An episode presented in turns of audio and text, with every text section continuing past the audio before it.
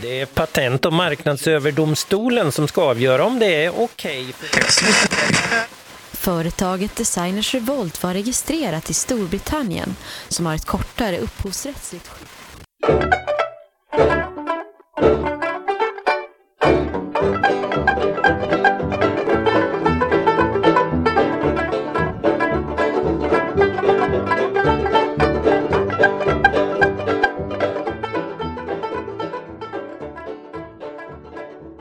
Kopior och förfalskningar har troligen förekommit i alla tider. Så snart historiens första konstnärer började göra sina verk började också förfalskarna att kopiera. I romarriket för 2000 år sedan var efterfrågan stor på konstföremål från antikens Grekland. Så stor att originalföremålen knappast kunde mätta alla penningstarka köpare som ivrade efter att pryda sina hem med redan då antika marmorskulpturer och reliefer från Greklands storhetstid. Problemet var dock lätt avhjälpt. Det som inte gick att importera över havet från Grekland kunde ju istället huggas ut ur marmorblock på betydligt närmre håll. En del föremål såldes bedrägligt som äkta, andra som replikor.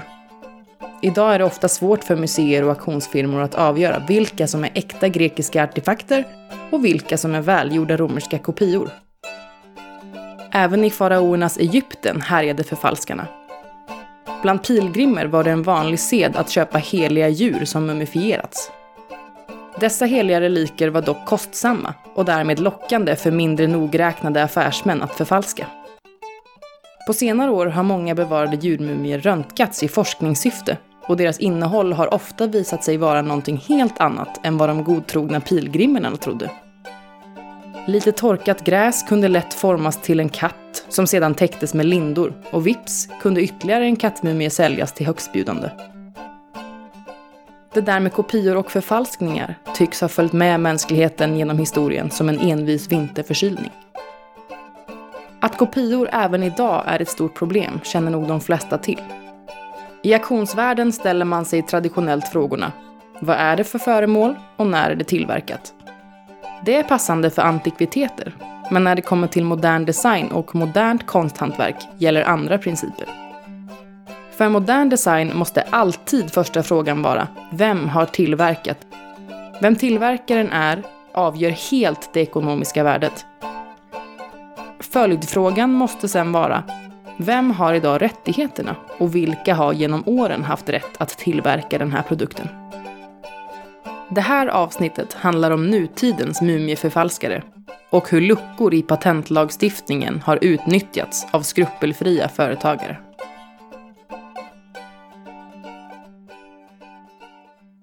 Ja, när det kommer till kopior så tycker jag man kan säga att det finns tre olika typer av kopior som dyker upp eh, på auktionsmarknaden och så. Okej, okay, eller hur tänker du då? Den första typen, det är de här möblerna som är inspirerade av någon annan formgivning. Ja, just det. Jag har inte riktigt tänkt på det som uppdelat på, på ja, det sättet, men det har du rätt i. Ja. Mm, för om man tänker på de här då inspirerade möblerna, mm. och det, det, blir ju av naturliga skäl inom formgivningen så att man inspireras av andra. Ja, för det är inte märkligt. Nej, men i olika hög grad ja. då va. Och Ikea till exempel har ju genom historien kritiserats för att ha i princip plagierat eh, konkurrerande företag. kopierat. Kopierat, ja. Där finns det ju många exempel. Något som vi har tagit upp bland annat på Instagram och sådär och, och, visat på det är en eh, fåtölj av eh, Nanna Ditzell som heter ND83. Som är en lite så här baljformad eh, fåtöljstol. Ja, typ, kan man säga. Och den ritade hon 1952. Mm. Men Erik Wörts då som jobbade för Ikea istället, han gjorde en fåtölj som han kallade Rondell eh, tio år senare. Som är egentligen identisk nästan va? Ja, alltså jag har faktiskt jättesvårt att se skillnad ska jag erkänna. Ja, och det är ju ett sånt exempel på Eller, en... lite sitsen. Ja, det, det skiljer ju lite grann. lite kan man och, och kvalitetsmässigt skiljer det mycket och material skiljer och Mm. så. Men om man säger så, problemet med de här möblerna som är liksom inspirerade av något annat. Det, det, Du det, gör citationstecken när Ja, du jag, det. ja, när jag sitter... Men det ser inte ja, det är roligt.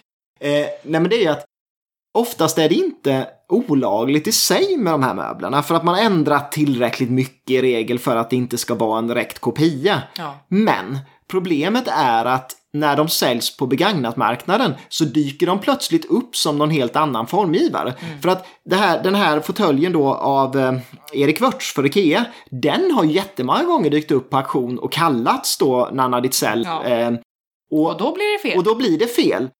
Det finns ju många sådana exempel. En sån här roligt exempel när det gäller sånt det är ju den här, eh, när muslingestolarna börjar bli väldigt dyra. De här Filip Aktanders, eh, de här som är, vi gillar dem inte så mycket alls egentligen. Nej, fast Men- du har ju nördat ganska mycket i det. Ja, man har så hatkärlek till dem, men de började bli väldigt dyra. Och då visade det sig att Ikea hade gjort en liten rip-off som de kallade Åke. Och då när man kollar på auktionssajter så, här, så är det utomlands så har Mm. Åke-fåtöljer från Ikea sålts för hundratusentals kronor och kallats Filpak Tander. Då. Så att det, man förstår ju Då att blir det knas. det blir ju knas. Ja. Och det är ett problem samtidigt som det kanske inte är olagligt när de säljs från början då va? Nej. Men det är den här första typen av kopior. Ja, vad är nummer två då? Ja, nummer två är det jag skulle vilja kalla förfalskade möbler. Liksom Kort och gott. klassisk Ja, kopia, kla- mm. så att säga. Och det är ju liksom möbelvärldens eh, motsvarighet till en falsk tavla egentligen. Eller mumie. Eller mumie. Och där dyker det upp väldigt mycket faktiskt och Ja. mer än vad folk tror. Och det kan vara liksom Greta Grossmans eh, gräshoppanlampa finns förfalskningar på. Eh, Kärholms möbler för Ekol Kristensen också finns förfalskningar på. Finn Hjul, ja, man kan bara radda på det där. Ja, men allt finns det väl ändå kopior på? Det, Mm. Ja, det nästan gör det allt. nästan. Och, och det som är typiskt för de här som är rena förfalskningar, tycker jag då, det är att det är ofta ganska få exemplar som görs. Mm. Och de är gjorda för att efterlikna originalet så mycket att man ska ta den för äkta. Det är liksom ingen som vill göra en replika utan man säljer den som äkta. Och ofta försöker man ju till och med märka då med falska Ja. stämplar Ja, eller falska såklart. etiketter. Det måste man ju, för man ska ju lura auktionsfirmor och så vidare. Precis. Och det man kan se med de här möblerna som förfalskas, och det ska man ha, ha i, i bakhuvudet när man köper möbler, det är att de möbler som oftast förfalskas är de som har tillverkats av företag som inte längre finns. Nej, just det.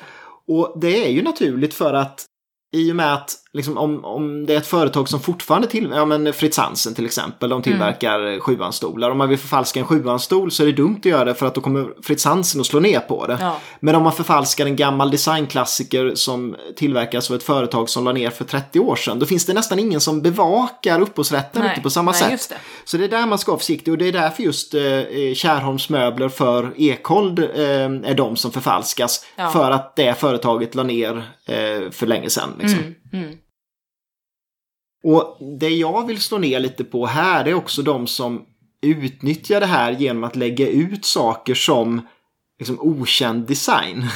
Och det är ganska vanligt tycker jag att, att man, man har en piratkopia av Axel Hjort eller man har en piratkopia av ja, men någon känd design. Men så skriver man bara så här okänd formgivare, pall furu. Men i själva verket så hoppas man då på att någon ska tro att ja, nu har de missat att det där är en Axel Ja. Hjort-pall så att då lägger vi ut den. Men man har ju inte ryggen fri bara för man gör så. Nej, det, det blir ju inte helt bra nej. Så att det där är en liten så här, ja, en tråkig eh, del av, av liksom eh, det här Ja, förfalskandet. man får väl inte tro som, som privatperson som handlar på auktion, man får inte tro att de skulle ha missat någonting. Nej, och, För det är inte jättetroligt. kanske. nej, och man kan göra fynd men ofta är det för bra för att vara sant. Det mesta är väl det ändå Ja, här i tyvärr, livet. tyvärr är det så. Och då kan man säga att problemet med de här förfalskade möblerna är ofta också det att det är en ganska liten klick människor som kan avgöra om den är äkta eller inte. Ja. Och det, för det är ju bra gjort. Ofta är det jättebra gjort och patinera, det kan man Ja. göra fantastiskt bra. Och det man har märkt också är att polisen är ju väldigt passiva och det är många som har kritiserat dem för att de inte slår ner hårdare på det här. Men det kan man ju ändå förstå för att de har ju inte riktigt den, alltså det är inte så att polisen vet allt om design Nej, man har måste ha kunskap. måste ha kunskap och samtidigt, ja, vi har gängkriminalitet, vi har mord, vi har, då kanske man inte prioriterar den, den delen heller lika det hårt. ju absurt. Men därför måste man vara väldigt försiktig. Men sen har vi då den tredje typen av kopior. Och, vad är det då? Jo, det är det vi ska prata om idag i, i veckans avsnitt egentligen. Eh, Och, och det är de här serieproducerade kopiorna. Men det är som nummer två fast... Fast, Fast någon, fler? Ja, och något Fast som... Nej, inte riktigt. För det här är ingenting man utger för att vara äkta från början. Precis, precis, precis. Utan det handlar om att någon väljer att tillverka en kopia, en stor serie av den, och man skiter i att man inte har några rättigheter att Ja. producera. Det låter helt sjukt när du säger det. Ja. Och det här är ju ingenting som egentligen är särskilt nytt. Man tror det bara för att idag förknippas det här med Kina och Asienproduktion av, av eh, kopior. Men det har förekommit jättelänge. Ett exempel är Hans Wägners eh, fåtölj Bamse. Det är en sån här klassiker som många har sett ju.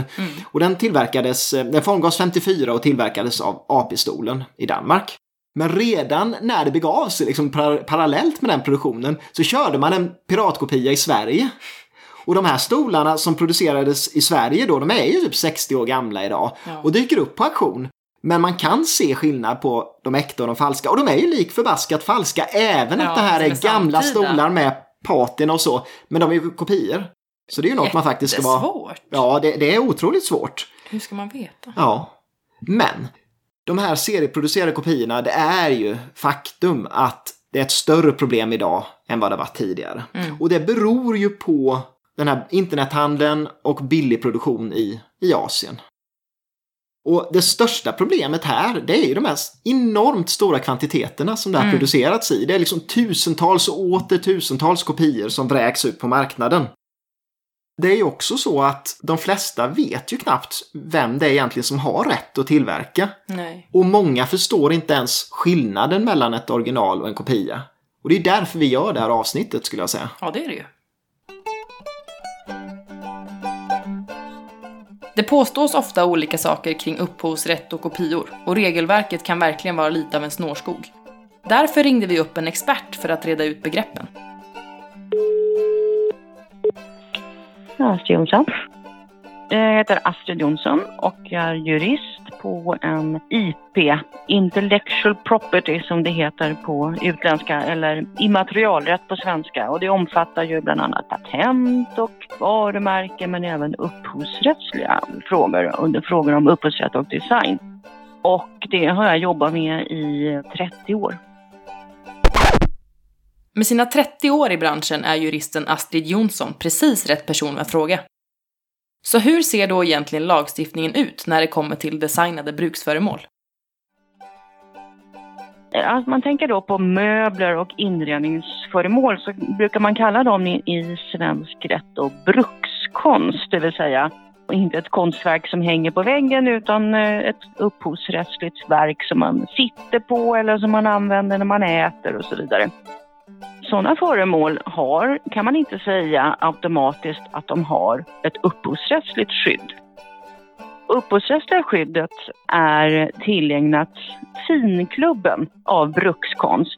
Och hur ska man platsa in i den här finklubben då?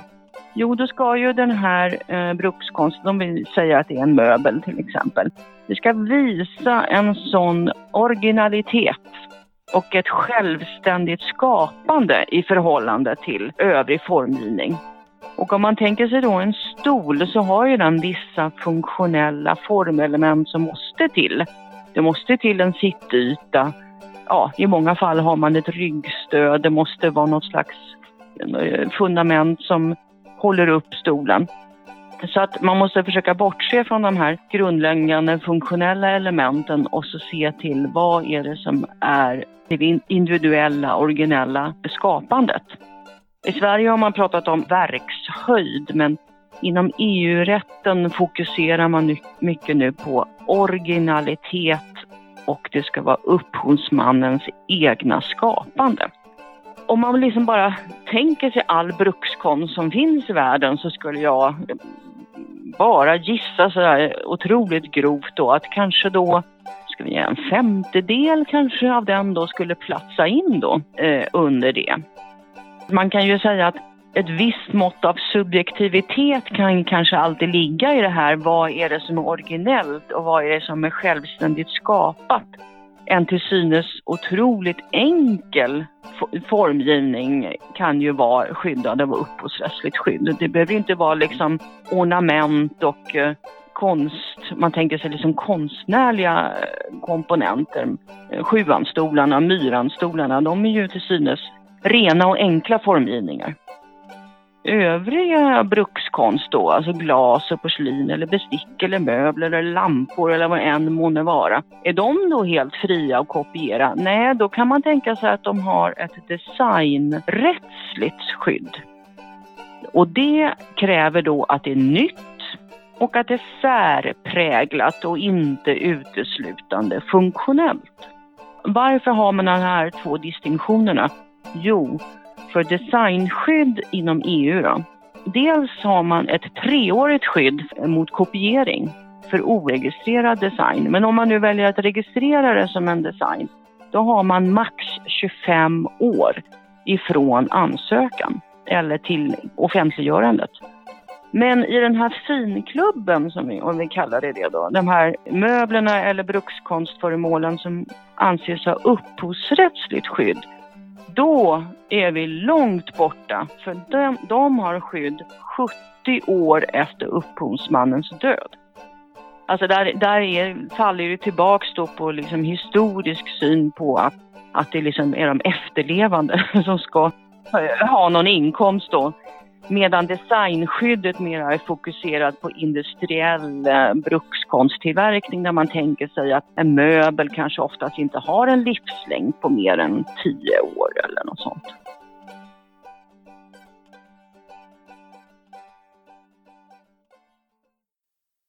Brukskonst, ja men som möbler och inredningsföremål, kan alltså både ha ett upphovsrättsligt skydd och designskydd.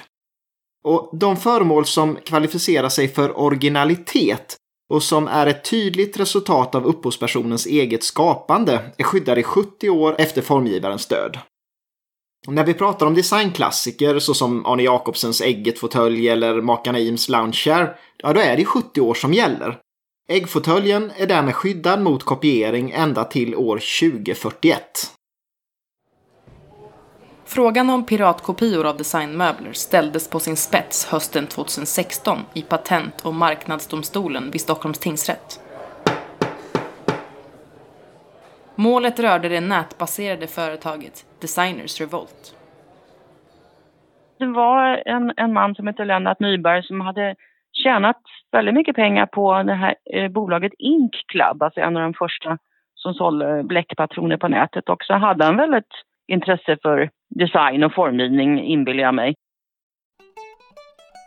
Och då var det så att i Sverige gällde då precis de här tidsperioderna.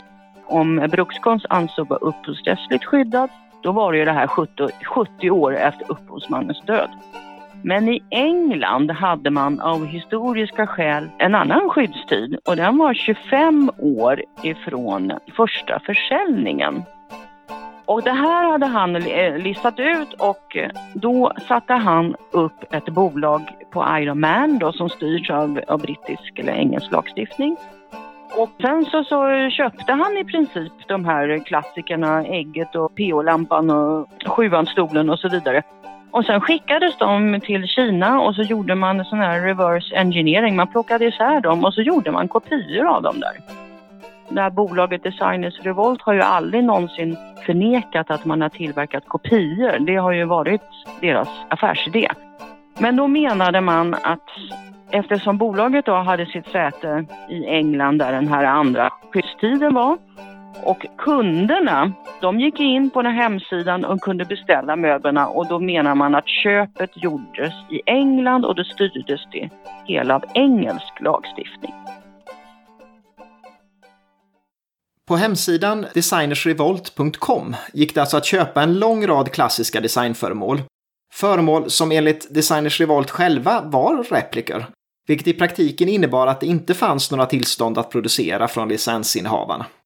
Det rörde sig om bland annat en mängd klassiska möbler, exempelvis Arne Jacobsens Ägget, Svanen och Sjuan, Hans Wägners Y-stol, flagglinestol och skalstol, makarna Eames loungechair, plaststolar och plywoodstolar. Totalt hundratals olika designklassiker tillverkade i Kina utan några som helst tillstånd.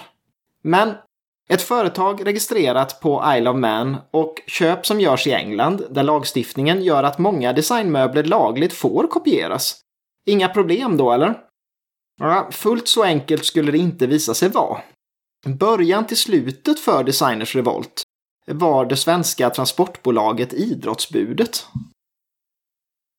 Det kanske är lite då den som gapar efter mycket tanken då, därför att det börjar ju som sagt då i England och eh, kanske hemsidan först var bara på engelska, man kunde handla i, i brittiska pund. Men så småningom då, alltså han riktade sig ju väldigt mycket till svensk. Eh, gjordes det annonser i Sverige, man kunde handla i, det fanns en valutaomräknare, man kunde till och med betala med Klarna och till slut så hade han ju så mycket affärer i Sverige så att han behövde ju ha ett fysiskt lager i Sverige och en svensk transportfirma. Så det var vad de här eh, idrottsbudet eh, gjorde då. Det var en transportfirma och de hade också ett lager i Sverige. Men där begick han väl kanske sitt stora misstag då, för då gick han ju liksom över gränsen. Då, då var han ju fysiskt i Sverige där vi har då den här långa skyddstiden för upphovsrättsligt skyddade verk. Till slut dras snaran åt kring personerna bakom Designers Revolt. Under 2014 inleds en förundersökning mot företaget och några av personerna bakom verksamheten. Den som så att säga var ju liksom hjärnan bakom det hela, det var ju den här eh, Lennart Nyberg då. Men även hans fru blev ju åtalad. Hon hade ju en aktiv roll i bolaget då med ekonomi och bokföring och så vidare. Och sen var det också en person som heter Claes Pilström som, om jag minns rätt då, så hade han ju en roll att han var den som styrde mycket det som skedde i fabriken i Kina, alltså själva tillverkningen. Och sen till slut så var det ju en person då från den här eh, transportfirman Idrottsbudet AB. Så att det var ju fyra fysiska personer då som blev åtalade och sen i själva målet så är ju också bolaget part eftersom det var en stor skadeståndsrättslig eh, del i målet också. Men enligt åklagare Fredrik Ingblad rådde det inga tvivel om att brott hade begåtts. I Sveriges Radio P4 sammanfattar han sin syn på fallet. Att det var så lång tid och att det var så mycket pengar det handlade om. Och sen att det var så mycket produkter, det var 105 olika produkter. Och med det syftet att vara en rent kommersiell verksamhet. Det fanns liksom inget annat syfte, menar vi, än att tjäna mycket pengar på detta. I den stämningsansökan som lämnades in till Patent och marknadsdomstolen i december 2015 preciserades anklagelserna. Ja, det var faktiskt eh, både eh, upphovsrättsintrång och varumärkesintrång. Därför att på deras hemsida så anger ju då, ja vi säljer en kopia av, av, av fåtöljen eh, Ägget. Och då har ju de här Fritz Hansen, de har ju varumärkesskyddat namnen på några av sina mest kända möbler. Typ Ägget, Svanen, och Sjuan och Myran och så vidare. Så att det var, det var både upphovsrätts och varumärkesintrång. Lennart Nyberg delade naturligtvis inte åklagarens bild. Enligt honom hade inga lagbrott begåtts. Eh, åtminstone inte medvetet och absolut inte av honom personligen. Hans försvar grundade sig på flera olika argument.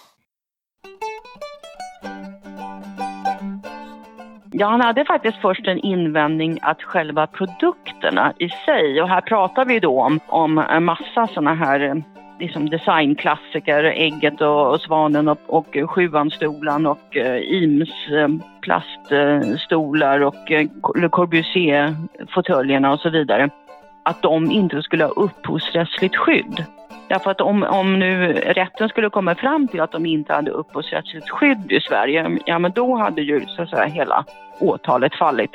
Men då, då hade ju några av de här produkterna har ju förekommit i andra intrångsmål där svensk domstol eller även utländska domstolar har fastslagit att de har upphovsrättsligt skydd. Sen om jag minns rätt så fanns det också i några fall den här eh, Svensk Forms opinionsnämnd som ju är en så att säga, frivillig eh, nämnd som uttalar sig om just eh, brukskonst huruvida den har upphovsrätt eller ej. Det fanns sådana utlåtanden. Så att den frågetecknet rättade liksom rätten ut att de här produkterna eh, har upphovsrätt. Så det var hans grundinvändning. Eh, Sen då att om nu eh, rätten kommer fram till att de här brukskonstföremålen har upphovsrätt i Sverige, då har det inte skett något de har inte tillgängliggjort, som det heter, upphovsrättslagen. De har inte liksom eh, erbjudits till allmänheten i Sverige. Utan han hänvisar till det här att det var, bolaget hade sitt säte i England och inte fanns i Sverige. Och sen hade han också då faktiskt en, en tredje eh, ursäkt, eller vad han försökte komma, komma undan med. Eh, det var det att om nu rätten skulle komma fram till att det var upphovsrätt och att det var upphovsrättsintrång så var han i så kallad rättsvillfarelse. Det vill säga han hade inte förstått eh, vad upphovsrättslagen säger det var ju ganska originellt därför då lämnade han ju faktiskt in och åberopade själv en, eh, han hade en slags eh, yttrande som någon, jag tror svensk jurist hade gjort innan han satte igång med sin business. Och där stod det, nu läser jag här ordagrant då, en marknadsföring i Sverige av den möbelförsäljning som kan ske i England skulle med övervägande sannolikhet komma i konflikt med upphovsrätten om samtycke från rättighetsinnehavarna saknas. Ja, då kan man väl knappast säga att man är i villfarelse.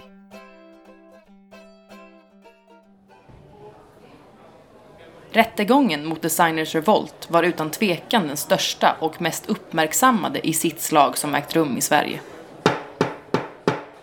När domen skulle meddelas den 13 oktober 2016 var det därför svårt att förutspå utgången.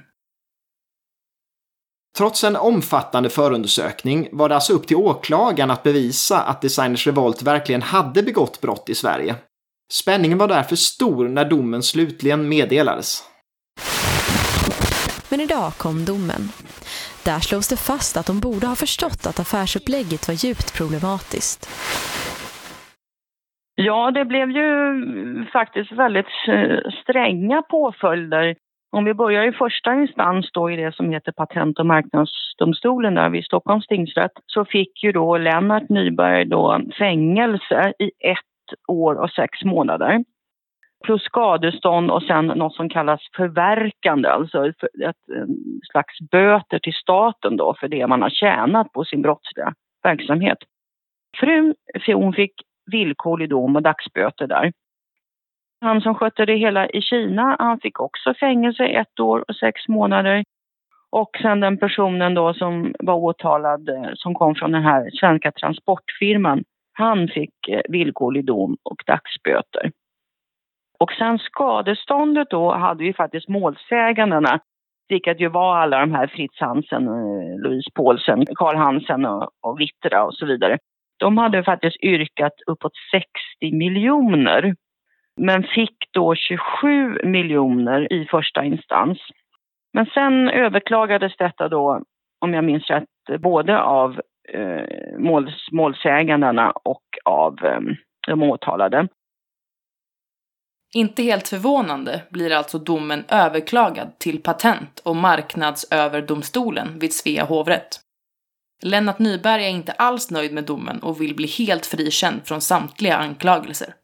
Å andra sidan anser rättighetsinnehavarna att skadeståndet borde höjas. Då skärpte andra instans, alltså patent, patent och marknadsöverdomstolen i Svea hovrätt, de skärper då straffen för både Lennart och eh, Anna Nyberg. Då. Så för Lennart Nyberg så skärps straffet till två år. Och för frun där då så, så får hon också fängelse i ett år och sex månader. Och sen eh, kvarstår då eh, sam, för han som eh, hanterade kinesiska verksamheten och han från idrottsbudet, deras domar kvarstår. Så att, så att det, är, det är hårda bud. Men målsägandena var nog inte helt eh, glada över domen i Svea hovrätt för att skadeståndet det minskas till en och en halv miljon. Man menar att man inte har så att säga, visat eh, vilken skada, vilken ekonomisk skada det här har vållat. Att jag har vållat en skada liksom på anseendet då, men inte då att eh, i ekonomiska skadan. Domen i hovrätten innebar alltså hårdare straff för både Lennart Nyberg och hans fru. Men samtidigt sänkte skadeståndet till rättighetsinnehavarna till i sammanhanget obetydliga en och en halv miljoner. Hovrätten kom fram till att den ekonomiska skadan de målsägande drabbats av inte kunde anses vara större.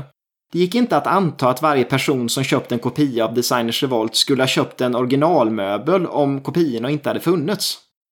Under den perioden Designers Revolt var verksamt såldes tusentals kopierade designföremål. Vilka konsekvenser blir det för en kund som har köpt ett piratkopierat designföremål? Om man köper för privat bruk, då är ju, då är det generellt inte intrång och det gäller ju även om man köper en varumärkeskopia, en tröja liksom för privat, för privat bruk. Men om man tänker sig att man har köpt den här eh, sjuanstolen och sen tröttnat på den efter några år, eh, då kan man ju inte sälja den vidare. För när man säljer den då, då är, då är ju det ett eh, upphovsrättsintrång i Sverige eftersom eh, den är skyddad av upphovsrätt. Och om man dessutom utger de här kopiorna på något sätt för att vara äkta, då kan ju det även vara bedrägeri. Det är alltså olagligt att sälja en möbel som är köpt från Designers Revolt. Man får inte sälja kopior via exempelvis Blocket eller Tradera. Konsekvenserna är alltså att tusentals svenskar har möbler hemma som är olagliga att sälja på andrahandsmarknaden. Men många av Designers Revolts kunder var företag. För dessa är de praktiska problemen ännu större. Hur ser lagstiftningen ut för exempelvis produktionsbolag eller homestylingföretag? Får kopior användas i exempelvis en tv-studio eller hyras ut till olika homestylinguppdrag? Jag skulle säga att det inte är lagligt därför att om man visar upp ett eh, verk i till exempel en tv-produktion så är den tillgängliggörande till allmänheten. Och eh, då, förlagan, det är ingen tvekan om att, eh, att, att det är en kopia. Domarna blev hårda mot de ansvariga bakom Designers Revolt och det svenska rättsväsendet satte på ett tydligt sätt ner foten när det gällde piratkopierade möbler. Enligt Astrid Jonsson väckte också målet en stor debatt och fick flera viktiga konsekvenser. Det blev ju onekligen mycket debatt då, för de här fängelsestraffen har vi, vi har ju sett fängelsestraff i sådana varumärkesintrångsmål där det har varit liksom väldigt stora kvantiteter av piratkopierade kläder till exempel. Men i den här typen av mål har vi ju inte sett den här typen av straff. Och sen fick det ju faktiskt som, som en konsekvens också, det fanns ju, man får ju vara ärlig och säga att det, Designers Revolt var ju, inte, var ju inte det enda bolaget som utnyttjade den här andra skyddstiden i England. Det fanns ju även andra bolag. Och det här fick ju, fick ju engelska regeringen eller myndigheterna väldigt mycket kritik för, så de har ju faktiskt ändrat sin skyddstid nu. Som man tänker sig den här IM-stolen som har varit fri att kopiera i England då i x antal ord. den är nu inte fri att kopiera. Eh, men den här mediauppmärksamheten, den är väl också, det känner vi ju igen då från eh, typ eh, det här med olaglig nedladdning av filmer, att det finns ju alltid två sidor. Det finns ju den ena sidan då som som säger att det är jättebra det här för det är avskräckande. Alla designers måste kunna, kunna få leva på sin design och inte riskera att bli kopierade. Och sen har vi ju den andra sidan då som säger att eh, jo men de här eh, stora, jag menar Fritz Hansen, eh, deras prissättningar eh, inte baserad liksom på eh, kostnader och att, att det är konkurrensbegränsande och, eh, och så vidare. Det finns ju även kritik mot deras eh, sätt att sälja de här eh, möbelikonerna. Den största konsekvensen som domen fick var utan tvekan att den bidrog till att den engelska lagstiftningen ändrades. Jag menar nu, nu måste ju rimligtvis hela den här eh, replikaindustrin i England, den, den måste ju vara borta helt enkelt. Eh, men sen om jag, om jag minns rätt då så hade ju, tror jag, också Rumänien eller om det var Bulgarien hade en sån här. Så att frågan är om något av de bolagen kanske har flyttat dit. Företagen som handlar med piratkopierade möbler lär alltså fortsätta att leta efter nya kryphål i upphovsrättslagstiftningen. Därför är det viktigt att vi som köpare förstår skillnaden mellan original och kopia. Och inte minst vilka konsekvenser det medför om man ändå väljer att köpa en kopia.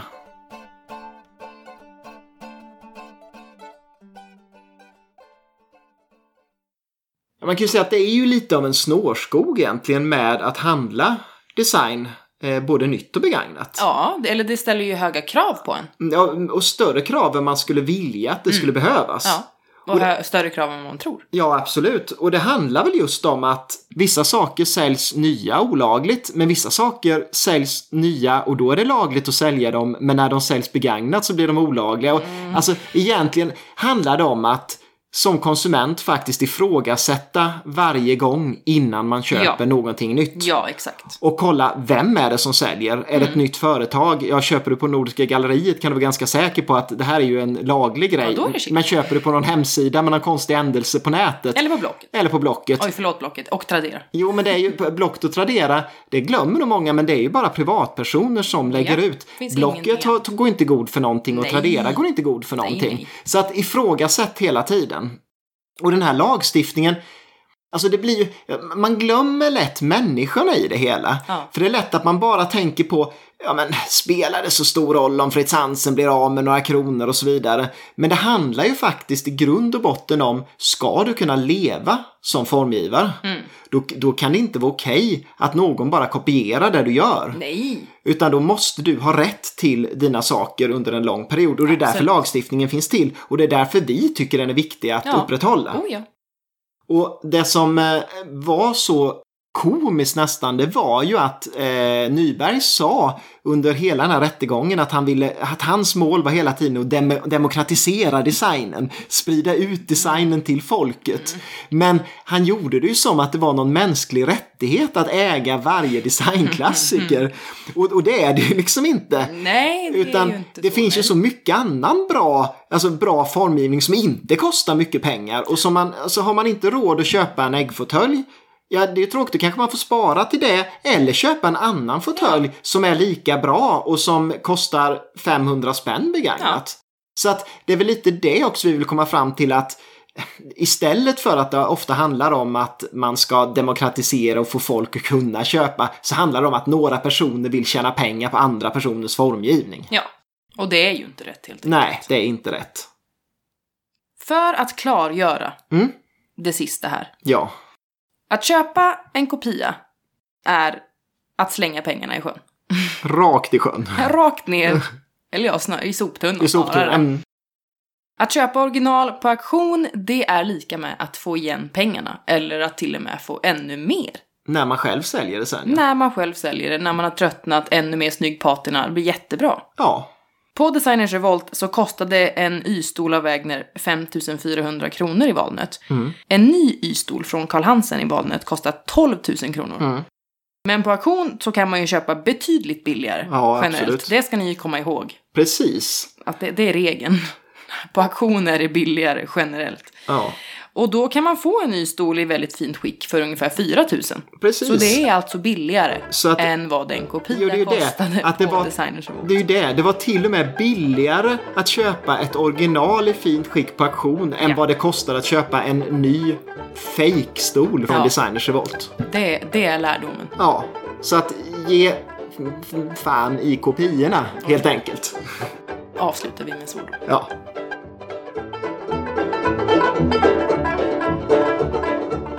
Designpodden produceras av Sanna Z Lundgren och Andreas Zetterqvist. Kom ihåg att prenumerera på oss där du lyssnar på poddar och följ oss på Instagram där vi heter Designpodden. Vill ni oss någonting går det jättebra att mejla på designpodden gmail.com.